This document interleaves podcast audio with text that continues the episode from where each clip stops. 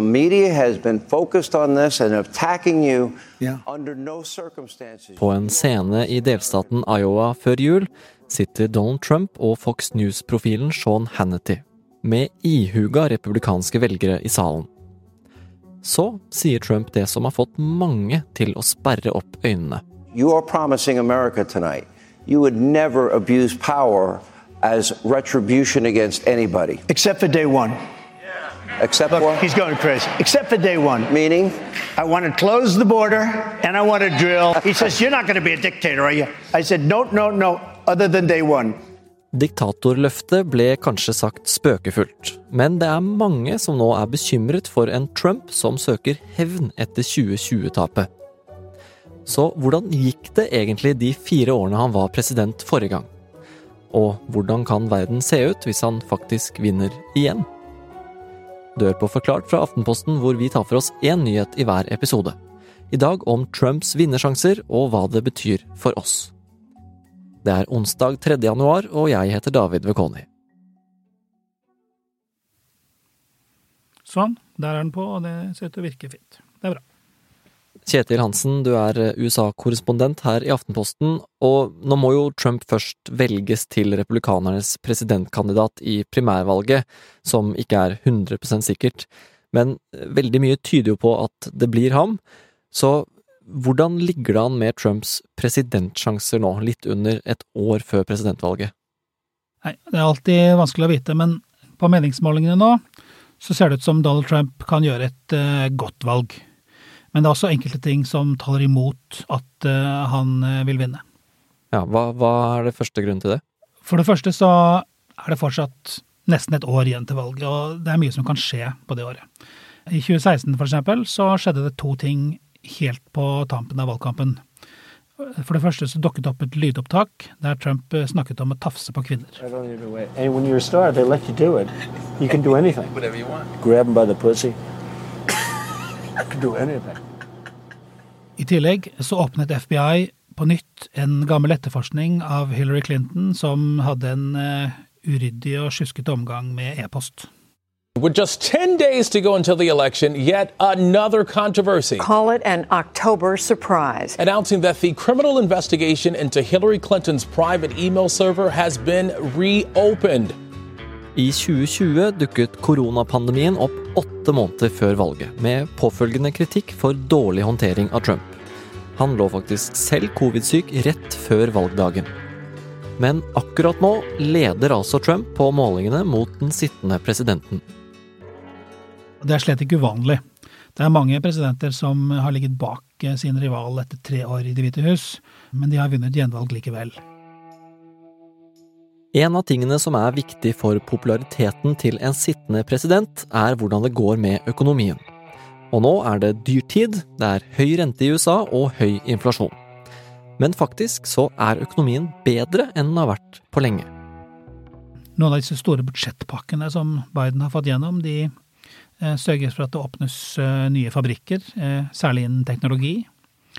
Det settes i gang bygging av broer og reparering av veier og tunneler. Og det er en del kommentatorer som mener at det tar litt tid eh, før velgerne ser at dette fungerer.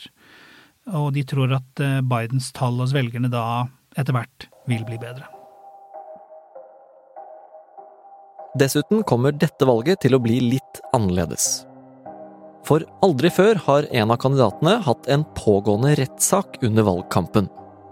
Trump har faktisk flere, og han er til og med blitt nektet å stille til valg i Colorado av en domstol der, selv om det er en mulighet for at det blir omgjort av høyesterett i USA. Men Kjetil, hvordan kan alle tiltalene og rettssakene påvirke Trumps mulighet til å bli president?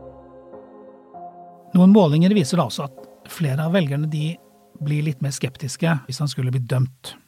Det påvirker ikke hans sjanser i primærvalget som om hvorvidt han skal bli republikanernes presidentkandidat.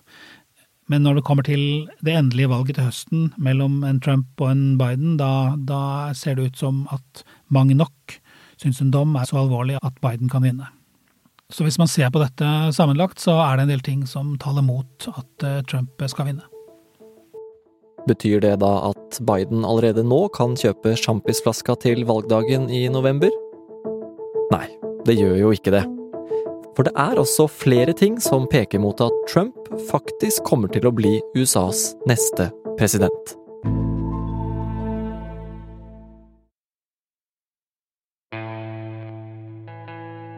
Det er nok mange her i Norge og også i Europa som ønsker at Joe Biden skal vinne til neste høst. Men så enkelt er det dessverre ikke. Kristina Pletten, kommentator her i Aftenposten. Hva er det på dette tidspunktet som taler for at Trump kommer til å vinne høstens valg?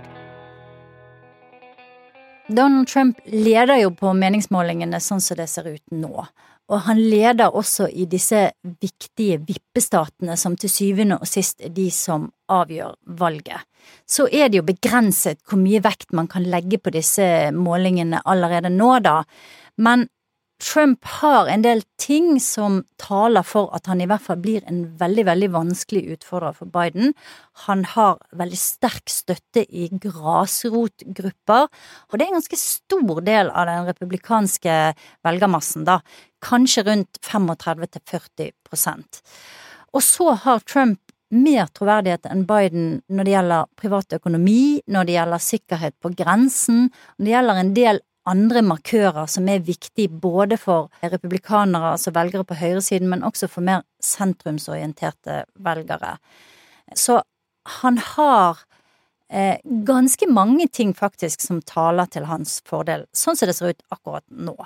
Men eh, ting begynner jo å gå bedre økonomisk nå under Biden. Hvorfor har Trump likevel mer troverdighet på det?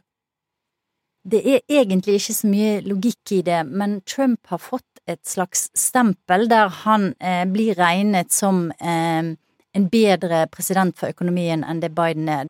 Og så må man jo huske på dette, at selv ved forrige valg i 2020 og selv med alt Trump hadde gjort da, altså folk døde som fluer av covid, og det sto likbiler rundt om i New York med sånne kjølelagre fordi at det ikke var plass til alle likene på sykehusene.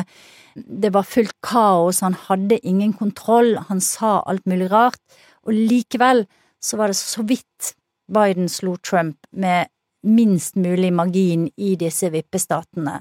Så det er helt klart at Trump har en form for støtte i et stort lag av det amerikanske folket som kommer til å bli vanskelig å slå. En annen ting som uansett taler for Trump, er det vi snakket om i forrige episode om Biden, nemlig alderen hans. Selv om Trump bare er fire år yngre, er det ikke like mange som mener han er for gammel til å gjøre jobben som president. Og så er det en annen kompliserende faktor nemlig at Biden og Trump sannsynligvis ikke er de eneste som kommer til å konkurrere om stolen bak presidentpulten og makta til å signere ting. Kristina, hvordan kan andre kandidater påvirke vinnersjansene til Trump? Altså Det er jo det store ubesvarte spørsmålet i denne allerede uoversiktlige valgkampen. Her er allerede tredjekandidater som Robert Kennedy jr., som ser ut til å kunne ta en unormalt stor andel av stemmene, og du har to ganske upopulære kandidater. Det kan komme flere tredjekandidater til, så det kan jo gjøre at vi faktisk helt opp til valgdagen vil ha en situasjon som vil være utrolig uh, uoversiktlig. Noen steder kan det svekke Biden, noen steder kan det svekke Trump. Og sånn som meningsmålingene ser ut nå, så, så er det nettopp sånn. Altså det er uoversiktlig, og ingen helt vet. At det kommer garantert til å bli kjempespennende. Det er det, ene, det er det eneste jeg kan si sikkert. Det er altså mye som er usikkert når vi går inn i dette valgåret. Men Trump har en helt reell sjanse for å bli president. Igjen. Jeg var jo korrespondent i USA under Trumps første periode, og det var et helt ekstremt kaos. Der eh, nyhetsdøgnene bare spant eh, vilt rundt med alt han fant på. Det spesielle her er jo at USA, i hvert fall siden annen verdenskrig, da, har vært den stabiliserende kraften i verden. Både når det gjelder økonomi, når det gjelder sikkerhet, og når det gjelder en rekke andre ting, handel osv. Og så ble liksom de rollene snudd på hodet, og USA ble den som laget kaos og eh, konflikt og trakk seg ut av internasjonalt samarbeid og mange andre ting. Og det tror jeg helt sikkert vil komme tilbake med Trump. Altså den usikkerheten, utryggheten, uforutsigbarheten. Det har han egentlig signalisert, og det er på en måte hans varemerke som politiker. Hvordan tror du fire nye år med Trump kan se ut, da? Litt mer i detalj? Det som jeg tror blir annerledes denne gangen, det er at vi vil se en Trump-regjering som er mye mer ekstrem helt fra starten. Når han begynte i 2016, jeg tror verken Trump eller noen andre hadde forventet at han skulle vinne, og da tok han med seg inn i regjering en rekke folk som var ganske erfarne, og som var ganske mainstream, egentlig. Han hadde økonomiske rådgivere fra toppen i Wall Street og fra universitetene. Han hadde militære rådgivere og sikkerhetsrådgivere som i hvert fall i stor grad da var etablerte, flinke folk. Og så etter hvert i perioden hans så kvittet han jo seg med mer og mer av de. Og det som har kommet frem om planene nå, er jo at han vil ha inn ekstremister og lojalister, altså folk som er Trump-lojalister før noe annet. Og han vil skrelle vekk mange lag av byråkratiet og sette inn sine egne folk i Justisdepartementet, i Forsvarsdepartementet, i Utenriksdepartementet, så det skal bli en Trump-stat som liksom graver seg ganske dypt, da. Og det er veldig skremmende, og det tror jeg veldig mange ser på som en, et skrekkscenario. I want to close the border and I want to drill. He says, You're not going to be a dictator, are you? I said, No, no, no, other than day one. Men om Trump er bedre forberedt denne gangen, så tror jeg også at mange andre er bedre forberedt på Trump. Jeg tror at europeiske regjeringer, Nato, eh, Verdens handelsorganisasjon, Verdens helseorganisasjon og amerikanske institusjoner, domstoler, justisdepartement, alle disse er forberedt på en annen måte på hva som kan komme med Trump, og gjør nok at det også kan være sikkerhetsmekanismer på plass som ikke var der sist. Så sånn sett så, så er nok begge sider bedre rustet denne gangen. Likevel kan det ifølge Kristina bli skremmende for Europa. For uten støtte fra USA kan Ukraina kollapse i krigen mot Russland. Og hva slags konsekvenser det får, det er ikke godt å si. I tillegg har du de mer langsiktige konsekvensene på klimakrisen, hvor Trump ikke akkurat har vært kjent for å være en grønn president. Det er altså ikke så rent lite som står på spill når amerikanerne skal velge sin neste president nå i november. Altså, nå har jeg dekket mange valg, og det føles veldig ofte som det viktigste valget i livet ditt. Men denne gangen så tror jeg nok at de fleste tenker at det er det, og det handler jo også om verdenssituasjonen om at vi har eh, krig i Europa, som gjør at dette blir en veldig avgjørende tidsepoke, ikke bare for USA, men også for europeiske land og for Nato. Hvordan tror du dette valget her kommer til å gå for seg, da? Altså, vi ser jo allerede at eh, Trump og hans tilhengere forbereder seg på, på samme måte som de gjorde sist, på å undergrave den demokratiske prosessen og legge grunnen for å hevde at valget har blitt stjålet. Det gjorde de sist, det gjør de nå, det kommer de til å gjøre. Det kan ta mange dager før eh, resultatet blir klart, med opptelling og gjentelling og så videre, og i den perioden så er det jo en enorm fare for at hele systemet blir destabilisert, fordi at du vil ha Trump-tilhengere som sitter klar. Eh, jeg håper ikke de sitter klar til å storme Washington en gang til, men det vil ikke forundre meg om eh, det allerede legges sånne planer. Og det er jo min, min og mange andres største skrekk, vil jeg tro, da. Og det er dessverre ikke så usannsynlig, men jeg håper at, eh, at man kan unngå en sånn situasjon en gang til. Nå er det jo nesten ett år til valget, og, og garantert mye som kommer til å skje innen da. Men hva tror du, Kristina? Tror du Trump kommer til å bli valgt til president igjen? Altså, det er vanskelig å skulle tro at det kan skje. Både på grunn av det som har skjedd eh, før, og eh, det som vil komme til å skje i løpet av året, der han jo også skal gjennom en rekke rettssaker og kan være en dømt mann innen eh, valget neste november. Men når det er sagt, så er, har jeg og veldig mange andre tatt feil av dette mange ganger før. Det er mange som har trodd at Trump er ferdig, og han har alltid klart å komme tilbake. Og han har et grep om veldig mange amerikanere som er uforståelig for mange, men som er sterkt. Vi må i hvert fall forberede oss på at det kan skje, tror jeg. Det er ikke, det er ikke usannsynlig. For de som frykter en Trump-seier, som jeg tror er de fleste nordmenn i hvert fall, eh, så er det jo kanskje et oppløftende element at Trump faktisk ikke har vunnet et valg siden 2016. Han tapte begge mellomvalgene, og han tapte valget i 2020. Og han har også tapt flere valg der han har pushet ganske ekstreme kandidater, og de har blitt valgt vekk.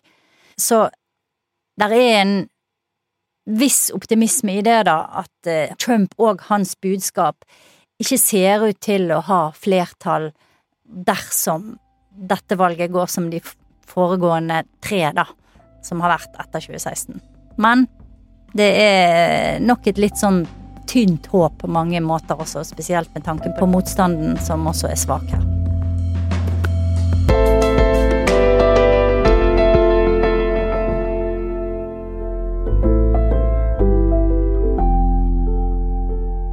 Du har hørt en podkast fra Aftenposten.